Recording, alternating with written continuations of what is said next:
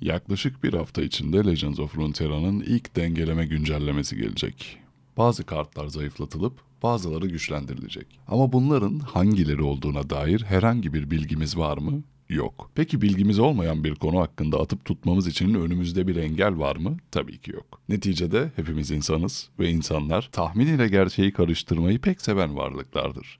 Bu yüzden bu videoyu da pek seveceğinizi düşünüyorum. Huzurlarınızda The Flying Ram'den lore dengeleme bülteni. Şimdi kart oyunlarında dengelemenin çok da kolay bir iş olmadığını biliyoruz ve her ufak değişiklik kelebek etkisiyle sonuçlanabiliyor. İstenmeyen sonuçlar ortaya çıkarabiliyor. Göz ardı edilmiş bir bölgenin ya da göz ardı edilmiş bir sinerjinin archetype'ın gereğinden fazla güçlenmesiyle sonuçlanabiliyor. Bu yüzden bu ilk gelecek dengeleme güncellemesinin çok başarılı olmayacağını düşünüyorum. Ama bunu yapmak zorundalar ki oyunun nasıl şekillendiğini görsünler. Şimdi Riot'ın nasıl bir nerf buff politikası izleyeceğini bilmiyorum açıkçası. E, aranızda e, örnekler verecek olan varsa veremez. Net veremez çünkü Riot'ın ilk kart oyunu bu ve bu oyunu geliştiren tarafla League of Legends'da çalışan ekip ya da TFT'de çalışan ekip aynı ekip değil. Bu bizim için de ilk örnek olacak açıkçası. Pek çok hata yapmaları mümkün, çok doğru kararlar vermeleri de mümkün ve bu kararları ilk gördüğümüz zaman doğru ya da yanlış olduğunu anlamamız pek mümkün değil. Gerçekten pek çok profesyonel oyuncu da tahminlerinde ya da gözlemlerinde yanılabiliyor.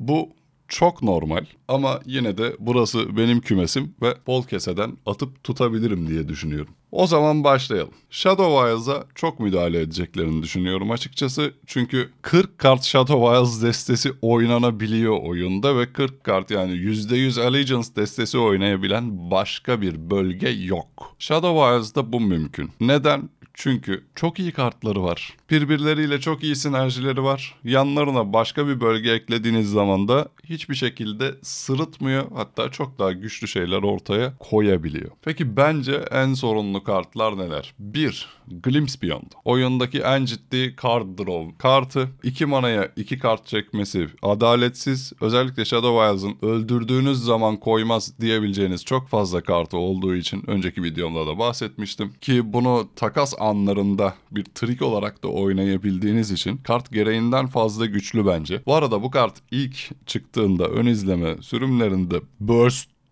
onu da aklınızda bulundurun. Hani şimdi en azından mirror matchlerde Glimpse Beyond'a cevap verebiliyorsunuz vesaire de. Yine de sıkıntılı bir kart. Bunda bir değişiklik olacağını düşünüyorum. Benim tahminim 3 mana ama kartı slow'a çekerlerse de çok sorun olmaz bence. Shadow Wilds'dan sorunlu olduğunu düşündüğüm İkinci kart Skitterer. 3 mana 3-3 olan örümcek. Bunun doğrudan 4 mana olması gerektiğini düşünüyorum. Başka bir nerfte gelmiyor aklıma açıkçası ama bu karta dokunulması gerektiğini düşünüyorum kesinlikle. Üçüncü kart Wraith Caller. Wraith Caller'ın kendisinin yani 4-3'lük body'sinin Fearsome'ı kalkabilir. Atağı düşebilir veya komple bir rework gelebilir. Ama benim aklıma gelen ilk nerf Fear Summon'ın kaldırılması. En azından o 4-3'ü bir tane Champ blocker'la ve işte bir, bir birlikle bir şeyle bloklayalım. Çünkü çok hızlı, çok ciddi hasar çıkarabiliyor e, Shadow Wilds desteleri.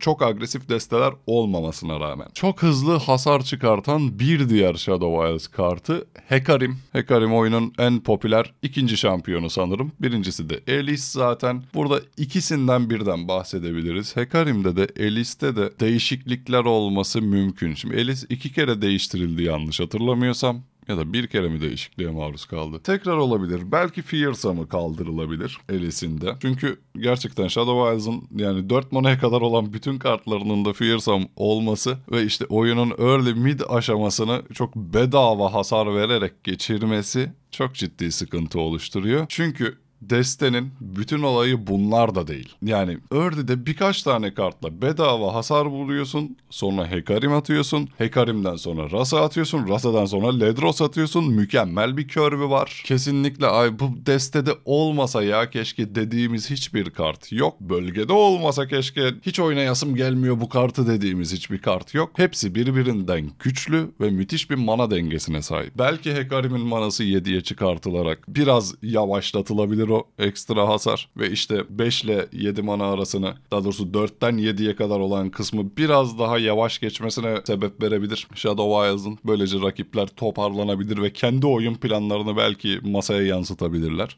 Bilmiyorum. Ama Hekarim'e de en azından göz attıklarını düşünüyorum açıkçası.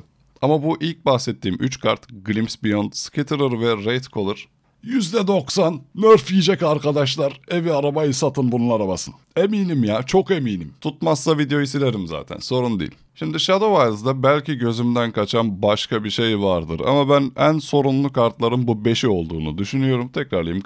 Beyond, Skitter, Wraithcaller, Hekarim, Elise. Bunlar dışında bir şeylere müdahale etmek isterlerse belki Ledros, ben Ledros hakkında da çok söylendim. Emin değilim. Belki Ledros'un yukarı yuvarlaması kaldırılabilir. En azından bir candaki rakipleri öldürmesin. Ya da işte 15 canı olan adama 8 vurmasın 7 vursun gibisinden bir dengeleme getirilebilir. Çünkü hiçbir şey yapamadığı maçları da Ledros'la kazanabilen bir Shadow Wilds'a karşı oynamak çok sinir bozucu oluyor. Shadow Wilds'ı geçelim şimdi. İonya'da bir şeyler var ama İonya'ya gerçekten nasıl bir nerf getirecekleri konusunda hiçbir fikrim yok. Çünkü İonya'nın kendi içinde devasa bir sinerjisi yok. Ama İonya'nın çok iyi üniteleri var. İonya'nın Elusive'leri var ve sadece bu Elusive paketini koyarak da iş yapabiliyorsunuz oyunda. Şu sıralar çoğunlukla Demacia'nın bufflarıyla birlikte kullanılıyor Elusive'ler ve gayet de başarılı bir archetype. Oyunun ilk haftalarında ben de paylaşmıştım hatta öyle bir deste ki hala var çok nadir de olsa oynanıyor. Freljord Ionia şeklinde bir popüler deste vardı. Freljord'un buffları yine elusive'lerin üzerinde. Bufflanmış elusive'ler ki çok sinir bozucu olduğunu düşünüyorduk. Hemen hemen aynı kafada şu an Demacia ile birlikte oynanıyor Ionia. Yani bu sefer desteği ya da eli bufflamak yerine burst spelllerle ünitelerinizi bufflayıp 5-6 manada oyunu bitiriyorsunuz. Biraz daha hızlı haline geçti de diyebiliriz. Şimdi elusive'lere yapacakları şeyler artık elusive kartlarının statlarını değiştirmekle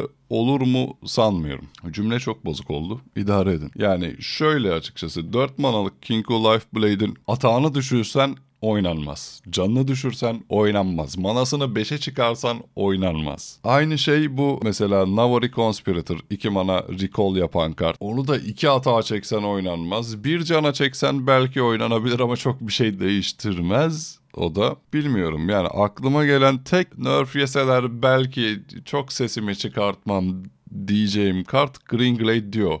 2 mana 2-1 olan yanına ünite geldiği zaman artı bir atak alan. Belki, belki, belki 2 mana 1-1'e çekilebilir. O, o da vur dedik öldürdüğünüz olabilir gibi geliyor ama yani elusive'lere sanki elusive kartlara dokunmadan bir çözüm bulmaları gerekiyormuş gibi duruyor. Yani elusive'lere karşılık verebilecek e, deste tiplerini bufflayarak buna cevap verebilirler. Ben hala Reach keyword'ünün gelmesinin taraftarıyım oyuna. E, Magic'teki Reach her şeyi bloklayabiliyor ama saldıramıyor şeklinde. Saldıramaması önemli değil. Saldıranına da yapsınlar abi. Hatta Braum'u Reach'li bir ünite yapsınlar. Braum Elusive, elusive, elusive'leri de Fearsome'ları da bloklayabilsin. Bak o zaman nasıl Freljord oynanıyor. Freljord demişken buff niye gelmesin abi? Sadece nerf mi olacak? İlk aklıma gelen kart daha önce Conjugen'le hem fikirdik bu konuda sanırım. O Avalanche'in fast olması gerektiğini savunuyordu. Ben de dedim fast olursa bari 5 mana olsun. En güzel buff bu olur herhalde. Yani kontroller için.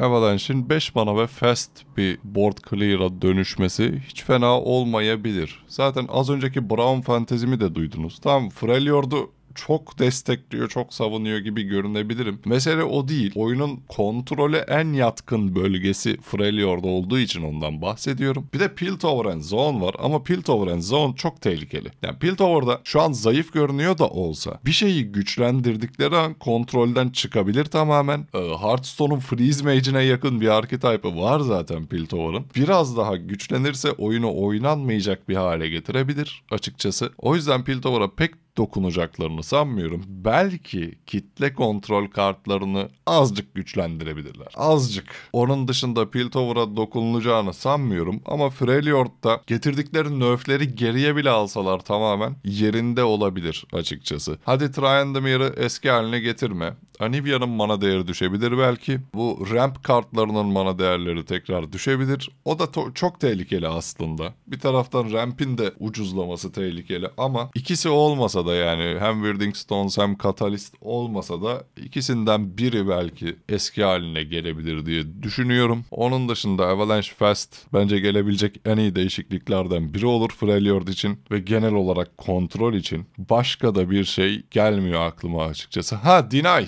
Dina'ya bir şey yapmayacaklar abi. Unutun Dina'ya aynı kalacak ya. Hadi bay bay.